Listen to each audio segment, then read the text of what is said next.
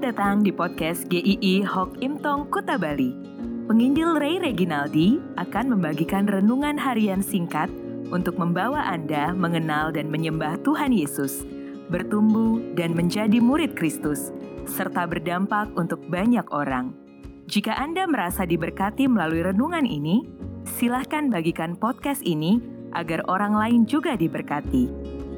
Inilah renungan hari ini.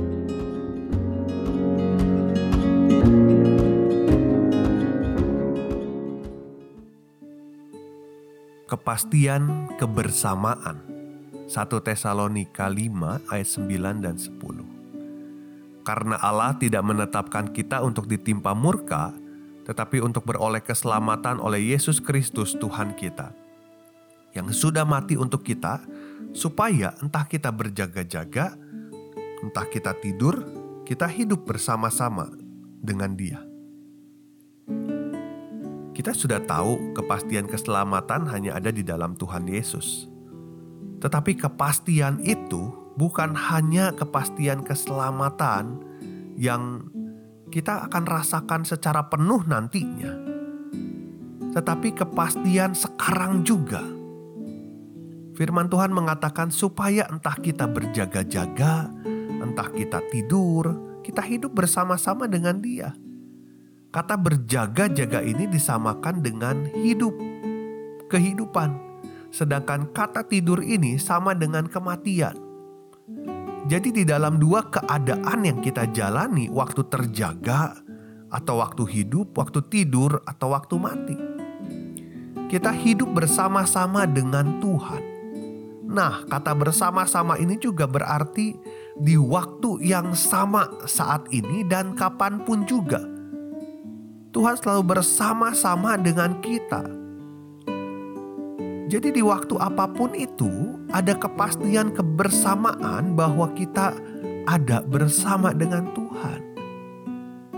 Karya Kristus itu yang menghubungkan kembali relasi kita dengan Tuhan yang tadinya terputus, terpisah, tidak bisa diseberangi, sekarang sudah disambung dengan permanen tidak ada yang bisa memisahkan hubungan kita dengan Tuhan lagi. Seringkali ada orang salah pikir bahwa kita akan bersama-sama dengan Tuhan waktu di surga saja. Atau kita bersama-sama Tuhan ketika hidup kita baik-baik saja. Tetapi Rasul Paulus mengingatkan kehidupan ini pun yang kita jalani situasinya mau seburuk apa pun sekeos apa pun, kita ada bersama-sama dengan Allah. Hidup memang kadang terasa sulit, menakutkan karena tidak menentu. Bisa juga sangat menyakitkan hati. Tetapi di dalam semua itu, di waktu itu, sekarang juga kita hidup bersama-sama dengan Dia. Wow, ini kepastian yang tidak tergantikan. Ini kepastian yang sangat menghiburkan kita. Ada satu bagian firman Tuhan yang membuat ini semakin jelas. Yesaya 43 ayat 2 dan 3.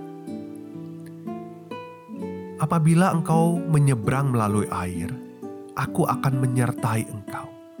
Dan melalui sungai-sungai engkau tidak akan dihanyutkan Apabila engkau berjalan melalui api, engkau tidak akan dihanguskan, dan nyala api tidak akan membakar engkau.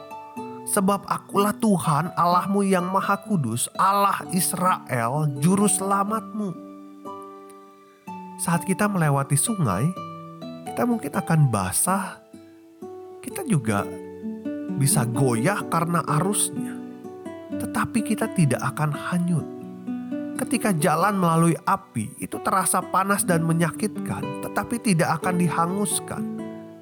Artinya apa? Janji Tuhan untuk orang percaya adalah beliau akan selalu berjalan bersama dengan kita. Kita merasakan ada hal-hal yang tidak enak, ada hal-hal tidak menentu lewat sungai dengan arus yang deras, lewat api begitu menyakitkan.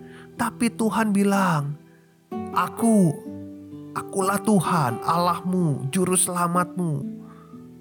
Tuhan ada menjaga menyertai kita. Banyak orang di masa yang tidak pasti ini merasa dirinya berjalan sendirian.